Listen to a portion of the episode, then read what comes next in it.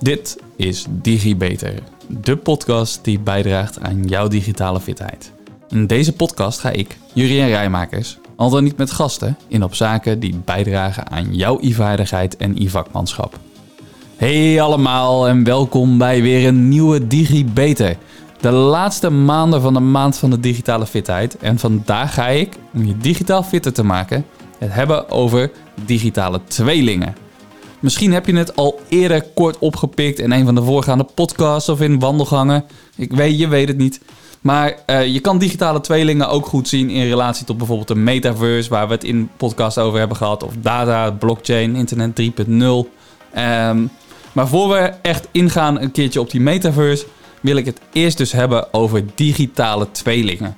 Omdat we zien dat de afgelopen jaren de fysieke en de virtuele wereld steeds dichter bij elkaar komen. Oplossingen zoals mixed reality, waar je digitale informatie toevoegt aan de werkelijke wereld. Misschien herinner je de Google Glass nog, dat leuke brilletje waarmee je dan rond kon lopen en waar digitaal informatie werd toegevoegd aan de werkelijke wereld. Nou, weer iets voor een andere podcast. Um, maar misschien herinner je die nog. Digitale tweelingen maken dus een uh, enorme uh, ontwikkeling door bij organisaties en bij de overheid. En daar gaan we het dus vandaag over hebben. En ik wil aftrappen met wanneer het concept ontstaan is, want dat bestaat toch ook alweer enige tijd. Het is ongeveer begin 21ste eeuw werd het uh, concept steeds belangrijker. En het werd, omdat het mede gezien werd als een kans om het beheer van je diverse assets te verbeteren. Zo rond 2002, dus ook alweer, nou, toch alweer 20 jaar geleden, pionierde Michael Greaves, die toen de tijd onderzoeker was aan de Universiteit van Michigan, het concept van de digitale tweeling, oftewel de digital twin. Hij benoemde het als een methode om de kwaliteit en de efficiëntie van de fabrieksprocessen te kunnen verbeteren. En sindsdien is dit ontwikkeld tot een meer wereldwijde standaard, waar ook onder andere Gartner het regelmatig over heeft. Maar je kan het op veel meer assets en processen toepassen dan alleen die fabrieksprocessen. En als ik het over assets heb, heb ik het hier heel breed. Want uh, ik heb het niet alleen over bijvoorbeeld hardware in de IT, wat, uh, wat, in, wat ik natuurlijk heb, mijn, mijn gebied waar ik in zit. Maar ook uh, over huizen, andere gebouwen, straten, bruggen, standbeelden. Eigenlijk alles wat je kan aanraken. Maar ook soft assets zoals systemen kan voor iedereen die bij een bepaald en bij zo'n dergelijk asset betrokken is, kan het ook echt een stuk eenvoudiger maken om snel in te kunnen grijpen als er iets verandert in die omstandigheden van zo'n asset. Doordat het niet alleen ja, de huidige situatie ziet, maar je ziet ook informatie van bijvoorbeeld de historie. En je ziet ook nog eens een keer alle omgevingswaarden. Je kan dus op basis van data, oftewel, die ofwel sensordata die je toevoegt, bijvoorbeeld onderhoud een stuk beter gaan voorspellen. Maar je kan ook bij bijvoorbeeld een standbeeld, zou je met, de, ja, je herinnert misschien uit de intro die Google Glass, kun je interessante feitjes gaan toevoegen voor geïnteresseerden. Nou, dat zijn slechts enkele van de vele uh, voorbeelden en uh, voordelen die een digitale twin zou kunnen bieden. En veel meer ga ik later op in, want uh, we gaan nu eerst eens even kijken naar wat nou zo'n digitale tweeling eigenlijk is. Ja, wat is dan zo'n digitale tweeling, een digital twin? Of eigenlijk, ja, we gebruiken dus meestal dat Engelse woord daarvoor. Soms zijn er ook nog wel andere definities die je kan vinden over digitale tweeling en digital twins, zoals uh, virtuele tweeling of virtuele kopie. Als ik uh, dit vraag aan verschillende mensen, dan krijg je vaak toch een net iets ander antwoord. En het concept van zo'n uh, virtuele digitale werkelijkheid werd dus, zoals ik er straks zei, in 2002 eh, al geïntroduceerd door Michael Greaves. Ik noemde hem natuurlijk net ook al, maar ik realiseerde me uh, dat ik er eigenlijk nog wat aan toe wilde voegen. Want Michael Greaves bracht het concept ten tijdens een cursus over lifecycle management. Onderwerp wat ook later in deze podcast nog wel een keertje aan bod gaat komen. En als het, dan gaat het over de lifecycle management op de digital assets. Maar uh, in het geval uh, waar Michael het over had, ging het dus over die uh, productlevenscyclus van fabrieken. Concept sprak over een virtuele digitale werkelijkheid, oftewel een digitale tweeling die gelijk is aan het fysieke product. Dus een digitale tweeling, als je dan de vraag beantwoordt, wat is dat nou eigenlijk? Ja, het is dus eigenlijk een digitale tweeling die gelijk is aan het fysieke product. Het is een zeer nauwkeurig werkende virtuele weergave van een heel product, een proces of een dienst. En om zo'n nou, ik zal hem maar digitale kloon noemen. Om die te maken, er zijn een aantal zaken die van belang zijn.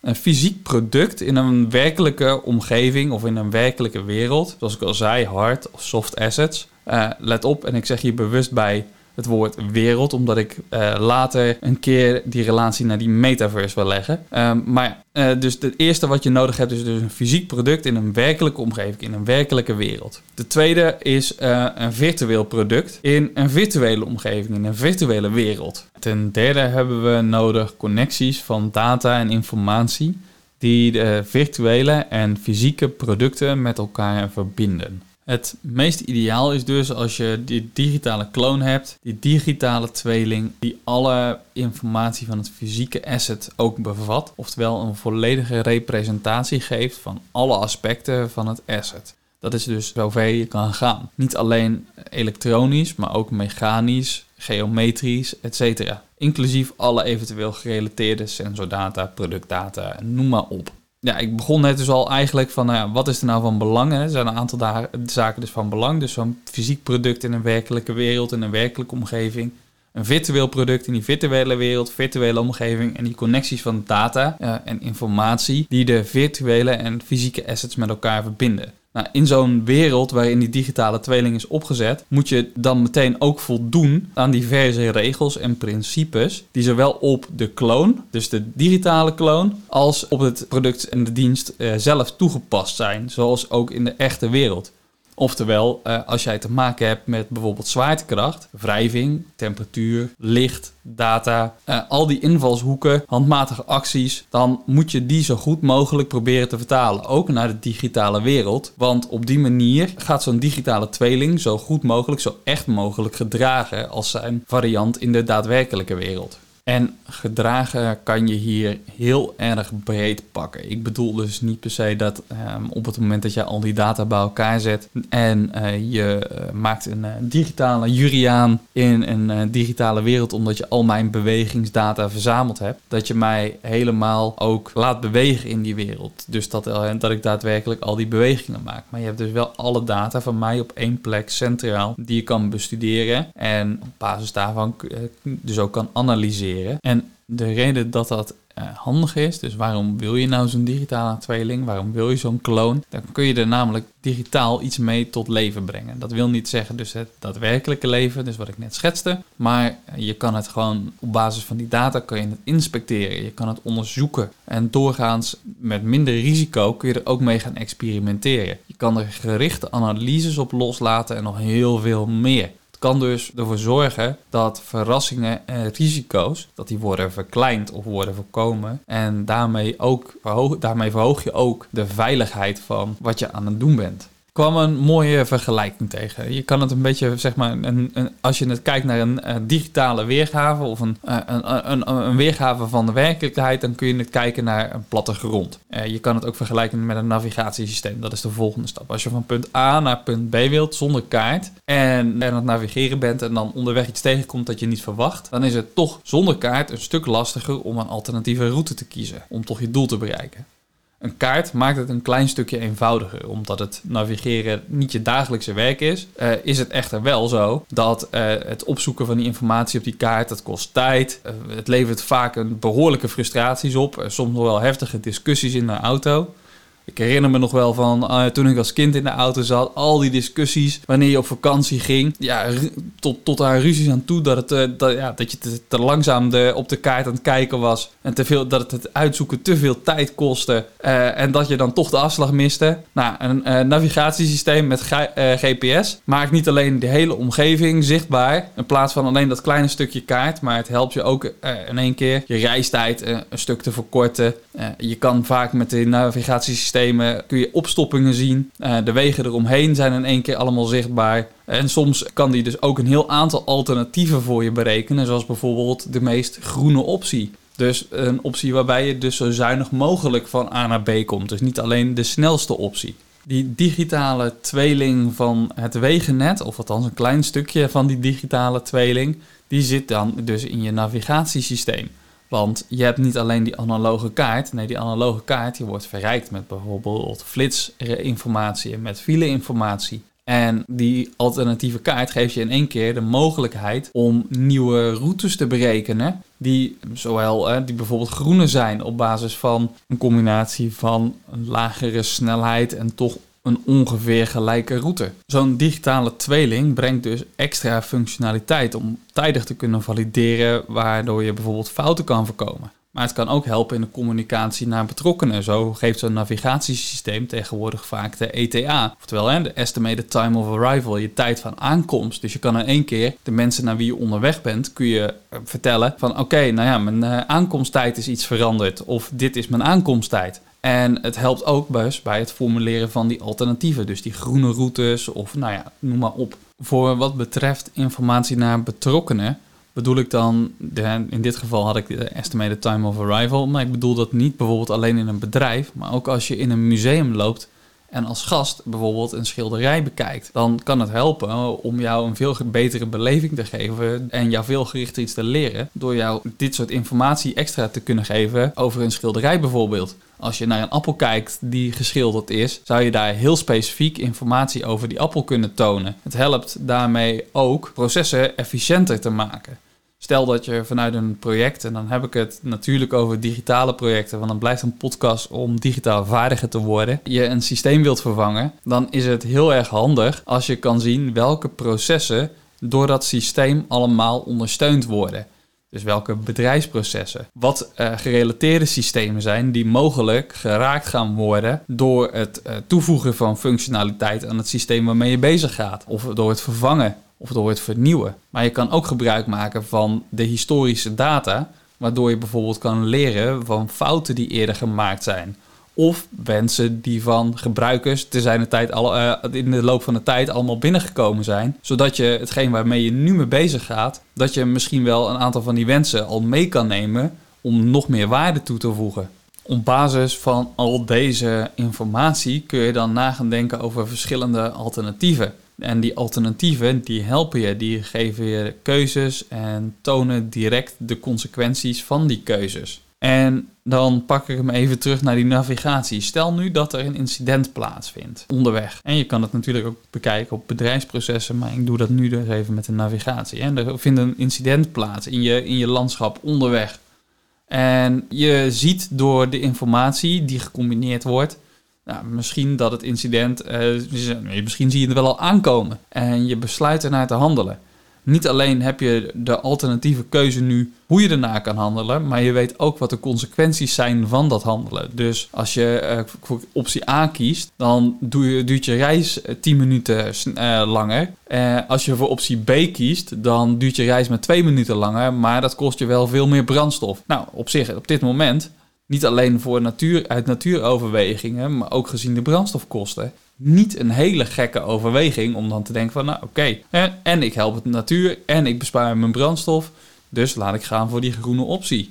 Deze combinatie van data helpt jou als gebruiker dus om een veel betere baten- en lastenafweging te maken. Dat dwingt je dus nog steeds niet om een bepaalde uh, route te nemen, maar het helpt je wel om risico's tegen baten en lasten af te wegen en te denken van oké, nou dan ga ik voor die optie. het helpt je dus dit soort informatie ehm, eigenlijk voor alle assets om efficiënter te kunnen omgaan met het asset waarmee je bezig bent. En voegt op die manier dus waardevolle data toe. Kortom, het is extra informatie. Je kan het ook inzetten voor bijvoorbeeld trainingsdoeleinden en het ontwikkelen van een test van bijvoorbeeld systemen van, en andere assets. Uh, zelfs kun je het al inzetten in ontwerpfase, zodat je op, niet op het moment dat het af is er pas achterkomt wat er aan de hand is. Maar dat je terwijl je ermee bezig bent met de ontwikkeling, dat je eigenlijk al ziet waar mogelijk knelpunten gaan ontstaan. Nou, dan weet je dus eigenlijk al een beetje wat de, de waarde ervan is. Maar toch wil ik nog even dus ingaan op wat nou, die waarde daadwerkelijk is. Ik heb denk ik al heel veel punten aangegeven. Maar het is dus een levensechte visualisatie. Een digitale kaart van bijvoorbeeld de gehele organisatie.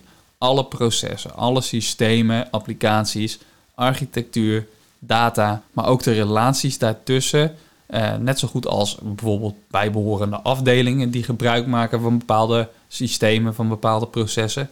Met deze informatie voorkom je fouten, voorkom je faalkosten en je vergroot de veiligheid. En je krijgt dus gericht inzicht in een doorgaans, een vroeg stadium over bijvoorbeeld de staat en de kwaliteit van niet alleen je processen, maar ook van je systemen. Ook kan je de processen virtueel gaan analyseren en daarmee dus goed gaan optimaliseren. En tot slot kan het dus ook helpen bij je creativiteit, bij je innovatiekracht. Uh, omdat je uh, ziet waar bijvoorbeeld als je zo'n proces hebt en je ziet dat zo'n proces wordt ondersteund door een aantal systemen. Dat uh, in die reeks met systemen dat daar Excel tussen zit. Nou, dan kun je gaan redeneren waarom zit nou Excel als ondersteunend systeem in dat proces? Wat gebeurt er? Nou, mijn ervaring is dat op het moment dat jij in een bedrijfsproces ziet dat daar Excel als ondersteunend systeem zit, dat daar vaak in het proces ergens exports gemaakt worden richting dat Excel, waar er in dat Excel nog een handeling mee gedaan wordt soms en dan weer wordt geïmporteerd in een systeem. Nou, risico daarvan is bijvoorbeeld dat er uh, datafouten optreden omdat daar nog weer andere menselijke handelingen aan te pas komen, omdat Excel geen controlerende functies vaak heeft. Uh, maar ook, ja, je hebt natuurlijk procesbelemmeringen. Het is geen geautomatiseerde koppeling, dus het gaat een stuk minder efficiënt. Want je bent het als persoon, beter waarschijnlijk toch nog alsnog een downloaden. Je moet het weer openen. Um, dus het zou veel handiger zijn. Daar ligt een kans om te innoveren. Daar ligt een kans om te optimaliseren. Uh, en te kijken van nou, hoe kan ik dat proces beter maken. Zodat ik als medewerker in dat proces nog beter ondersteund word door mijn digitale systemen. Kortom, een digitale tweeling levert hiermee een uh, beter rendement. Het geeft een lerend en innovatievermogen in je organisatie of bij je overheid in de meest brede zin van het woord. Het draagt daarmee dus bij aan de wendbaarheid van je organisatie, maar het helpt ook om te praten over feiten. Vaak zie je dat er, um, ja, als je het over een kwaliteit van een systeem hebt, dat er veel gevoel bij komt kijken. Bijvoorbeeld veel frustratie van een gebruiker over een systeem. Maar als je die frustratie concreet kan maken, dus als je bijvoorbeeld kan aantonen op basis van gegevens die je verzameld hebt, dat veel meer gebruikers die frustratie hebben, dan helpt het van oké, dan kun je veel beter erop in gaan zoomen. Oké, wie hebben dan die frustratie? Waar kwam die frustratie uit voort? Welke informatie wordt er meegegeven terwijl ze die, uh, die frustratie uiten? En dat kan helpen om je proces of om je systeem te verbeteren. Natuurlijk is dit verhaal niet alleen maar Hosanna, want ja, het bouwen van zo'n digitale tweeling kost wel geld. Je kan wel rustig beginnen, maar het uh, bedrag dat begint al vrij snel. Je zit al vrij snel op 50, 60.000 euro. En dan heb je een stukje software en misschien een stukje inrichting. Maar afhankelijk van uh, waarvan je die digitale tweeling opzet, kan dat natuurlijk wel behoorlijk in de papieren lopen. Daarentegen denk ik uh, persoonlijk dat de business case gewoon wel snel gemaakt is. Want naast de optimalisatie in je processen die je kan bereiken, helpt het vaak organisaties ook, en dat zijn cijfers die ik gevonden heb online, dus niet uh, uit eigen ervaring, uh, om tussen de 20 en de 30 procent in bijvoorbeeld ontwikkelingskosten te besparen. Daarbij draagt het uh, bij aan een verbeterd zicht op bijvoorbeeld de levenscyclus van je assets. En dat betekent uh, dat je bijvoorbeeld uh, veel sneller in staat bent om een goede afweging van baten van je tegen lasten te maken van je assets. Maar ook om naar uh, directies of in het geval van de overheid naar een kamer te laten zien van nou, dit zijn de meerjarige kosten van bijvoorbeeld processen en van systemen. Dit kost het om het te onderhouden en om het goed in leven te houden. En op basis daarvan kun je dus ook veel beter zeggen: oké, dit zijn bepaalde constante kosten. Beste, beste kamer of beste directie uh, maken jullie maar een afweging over baten versus lasten versus risico's. Of jullie geld willen besparen of dat jullie zeggen van nee, we willen er graag geld bij doen omdat we het, belangrijk achten dat dit proces geoptimaliseerd wordt. Uh, waarmee dat bijvoorbeeld dit aan winst weer oplevert. Nou ja, een winst is dan bij de overheid niet het juiste woord. Maar nou, het is uiteindelijk wel optimalisatiewinst. Uh, zoals gezegd, op lifecycle management ga ik nog een andere keer in. Realiseer je wel dat zo'n digitale tweeling niet dus een kant-en-klaar product is. Het is een visie om de wendbaarheid en de volwassenheid van je organisatie te vergroten. En om zoveel mogelijk waarde toe te gaan voegen op die plekken waar de behoefte ligt. Tot slot wil ik graag een aantal voorbeelden geven van digitale tweelingen voor de laatste ja, 10 minuten ongeveer, denk ik. Uh, een eerste voorbeeld waarmee ik wil beginnen is Boeing. Want zij maken bijvoorbeeld gebruik van digitale tweelingen van elk vliegtuig om zo bijvoorbeeld de prestaties van de verschillende onderdelen gedurende de levenscyclus te stimuleren. Je kan daarmee dus eh, kijken naar het vliegtuig op basis van al die sensordata en dan daarmee berekeningen gaan uitvoeren hoe lang bijvoorbeeld uh, een vleugel onder bepaalde druk uh, blijft staan. Maar ook wat dat doet met bijvoorbeeld de rest van het vliegtuig als je daar die druk zet op die vleugel. Ook Unilever past dit eh, toe in zijn faciliteiten om knelpunten te vinden in bijvoorbeeld eh, de productie en daarmee de algehele efficiency, efficiency te verbeteren. Ook de NS doet dit en daar hebben ze een filmpje over gemaakt, want ze gebruiken daar een drone samen met een, uh, met het technologiebedrijf Aeroscan. En daarmee brengen ze Utrecht centraal in beeld. En dat is graag iets wat ik je wil laten horen. We zijn bezig met uh, de voorbereidingen voor een, een, dronevlucht boven Utrecht Centraal Station.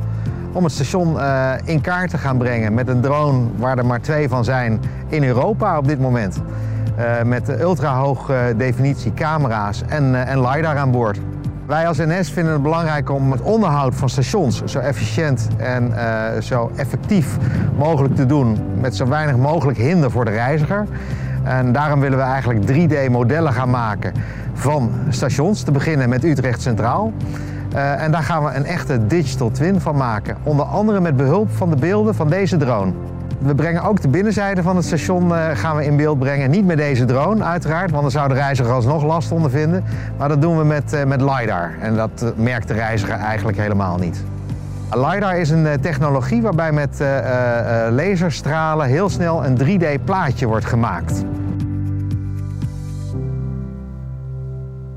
Ja, en uiteraard de link naar dit, deze NS-pagina, die deel ik ook met je in de show notes. Je kan dus vanuit dit voorbeeld ook uh, horen. En ja, op het moment dat je terugkijkt op de site van de NS zelf, dan kun je het er ook terug zien. Ja, de NS maakt dus met die, drone buiten aan de buitenzijde en LiDAR aan de binnenkant. En LiDAR is Laser Imaging Detection and Ranging. Van de binnenkant van hun stations maken ze een digitale tweeling om die technologie LiDAR ook even kort toe te lichten. Daarmee maak je dus, eh, zoals het in de naam al zit, eh, maak je gebruik van de afstand van een object tot een oppervlakte. En uh, op basis van een laserpuls. En dat levert een bepaald 3D-beeld op. En met zo'n 3D-beeld kan je dan zelf real-time bekijken wat er op zo'n station gebeurt. En je zou zelfs met een 3D-bril en misschien later, misschien ook wel met zo'n augmented reality-bril, ervoor kunnen zorgen dat er bepaalde informatie beschikbaar is over wat er aan de hand is op een station en eventueel ook hoe je dat op zou kunnen lossen. Je kan dit bijvoorbeeld ook inzetten voor de verbetering aan het station en ook om uh, veiliger en eenvoudiger onderhoud te doen en diverse stimulaties te maken. Nu hadden ze het in het filmpje over de drone en over LiDAR. Maar de NS heeft natuurlijk niet alleen zaken die data verzamelen. Op hun station zitten ook bijvoorbeeld de poortjes die data verzamelen. Uh, over de mensen die naar binnen komen. Er hangen natuurlijk camera's. En die camera's die zouden ook bijvoorbeeld bepaalde data kunnen verzamelen. Bijvoorbeeld voor crowd control. Of uh, terwijl de druktemeting op bepaalde punten. Aantallen en betalingen in shops zou je daar bijvoorbeeld ook mee kunnen combineren.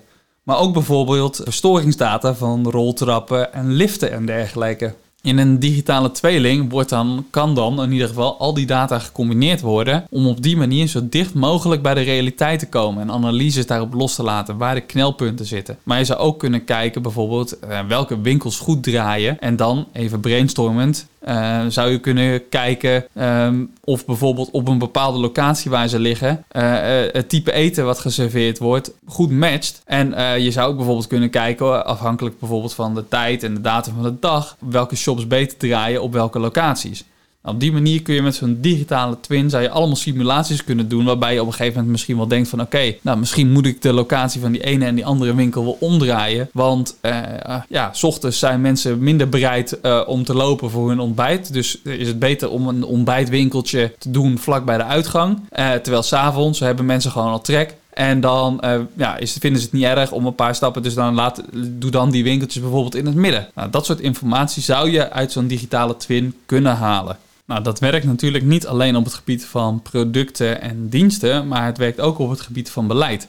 Als jij tijdens het bedenken van een nieuw stuk wetgeving eh, samen al met een analist en een business informatiemanager een aantal vragen, een aantal scenario's kan uitwerken en kan analyseren, kan dat bijvoorbeeld zeer waardevolle input leveren en je helpen een andere afslag te kiezen in je beleid dan die je misschien wel had voorzien. Oftewel, als jij verschillende simulaties van jouw beleid zou gaan draaien in zo'n digital twin, en daarmee kan zien op basis van die data hoe die simulaties uitpakken, dan kan dat jou dus helpen. Het kan ook helpen bij efficiënte, gelijktijdige ontwikkeling van hardware en software en eh, minder fysieke prototypes. Dus bijvoorbeeld eh, het helpen bij het realiseren van minder afval en minder kosten. En dus ook een snellere doorlooptijd van idee tot realisatie. Maar denk je eens in, ook een communicatieafdeling of een marketingafdeling kan dan bijvoorbeeld al aan de slag gaan om bij het bedenken in het proces van nou, hoe gaan we dat product het beste uitleggen of hoe gaan we het product het beste vermarkten. Het zou toch bijzonder zijn als je straks eh, bijvoorbeeld de Tweede Kamer hebt die niet zomaar een wet of uh, zomaar aanneemt, maar vraagt om van tevoren eerst eens een aantal simulaties uit te voeren en uh, daarbij dus de verschillende simulaties uit te leggen. Uh, om te laten zien hoe zo'n wet uit zou kunnen pakken. Of beter nog, aan het begin van een wetgevingsproces de wet neer te leggen. Het, uh, met het verzoek om met simulaties het beste scenario voor te stellen. Uh, op basis uh, waarvan, een wet, uh, waarvan dan een idee naar een wet wordt omgezet. En ik zeg hier niets nieuws natuurlijk. Er gebeurt al een hele hoop onderzoek natuurlijk voordat een wet tot stand komt, voordat beleid tot stand komt. Dus ja, er is al onderzoek. Maar het punt is meer van, ja, je zou hier dus veel gerichter nog simulaties mee kunnen doen op hoe het uitpakt.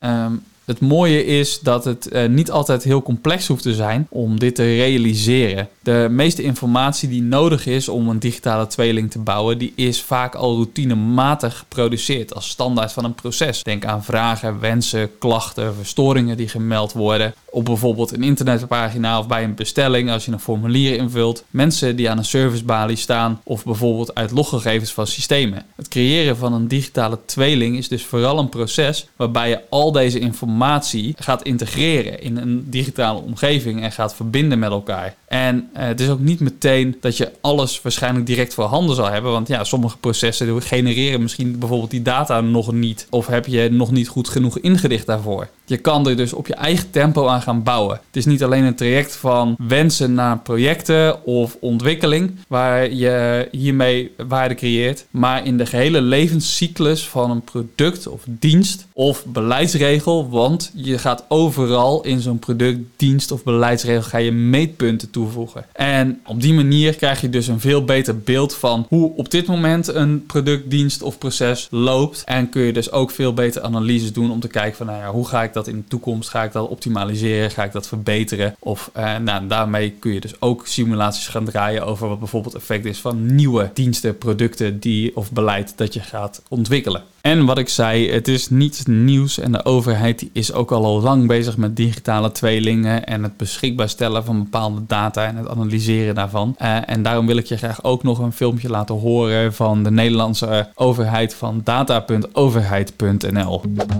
Ben jij op zoek naar data? Om beleid te maken, voor je onderzoek of om coole apps te ontwikkelen? Toch blijkt open data vaak moeilijk te vinden. Of de data die je vindt is verouderd of niet toegankelijk. Daarom is er het nationale dataportaal van de Nederlandse overheid. Een landschap van duizenden open datasets in vele domeinen.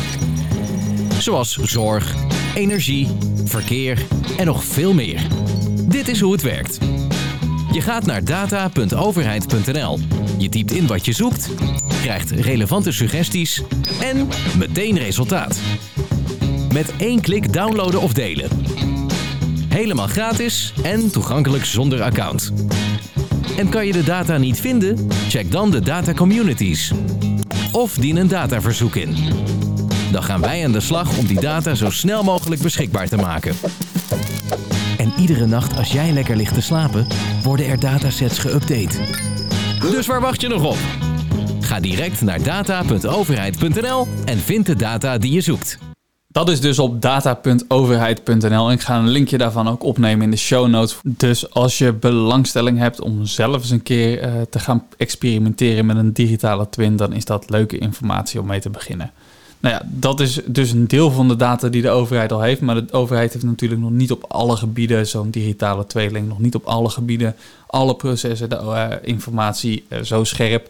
Dus als je bij de overheid werkt, dan is het goed om naar jouw gebied te kijken. Verzamelen wij op onze processen wel genoeg informatie om ook zo'n digitale tweeling te gaan ontwikkelen? En dat is natuurlijk als je bij een bedrijf werkt precies hetzelfde. Je wil gewoon graag dat rondom jouw processen, rondom jouw systemen, zoveel informatie opgehaald wordt en gegenereerd wordt. Dat je uiteindelijk zelf ook zo'n digitale tweeling misschien wel kan gaan ontwikkelen. Om zo je processen te verbeteren, te optimaliseren, nieuwe processen, producten, diensten te ontwikkelen. En dus eh, als je het interessant vindt, dan is het leuk om eens een keer te gaan experimenteren met de data van uh, data.overheid.nl of misschien wel met je eigen bedrijfsdata. Om te kijken van nou, hoe kan ik hiermee aan de slag om een uh, proces te verbeteren. Voor vandaag was dat hem alweer. Uh, dank voor het luisteren. Uh, tot de volgende keer. Tot de volgende DigiBeter.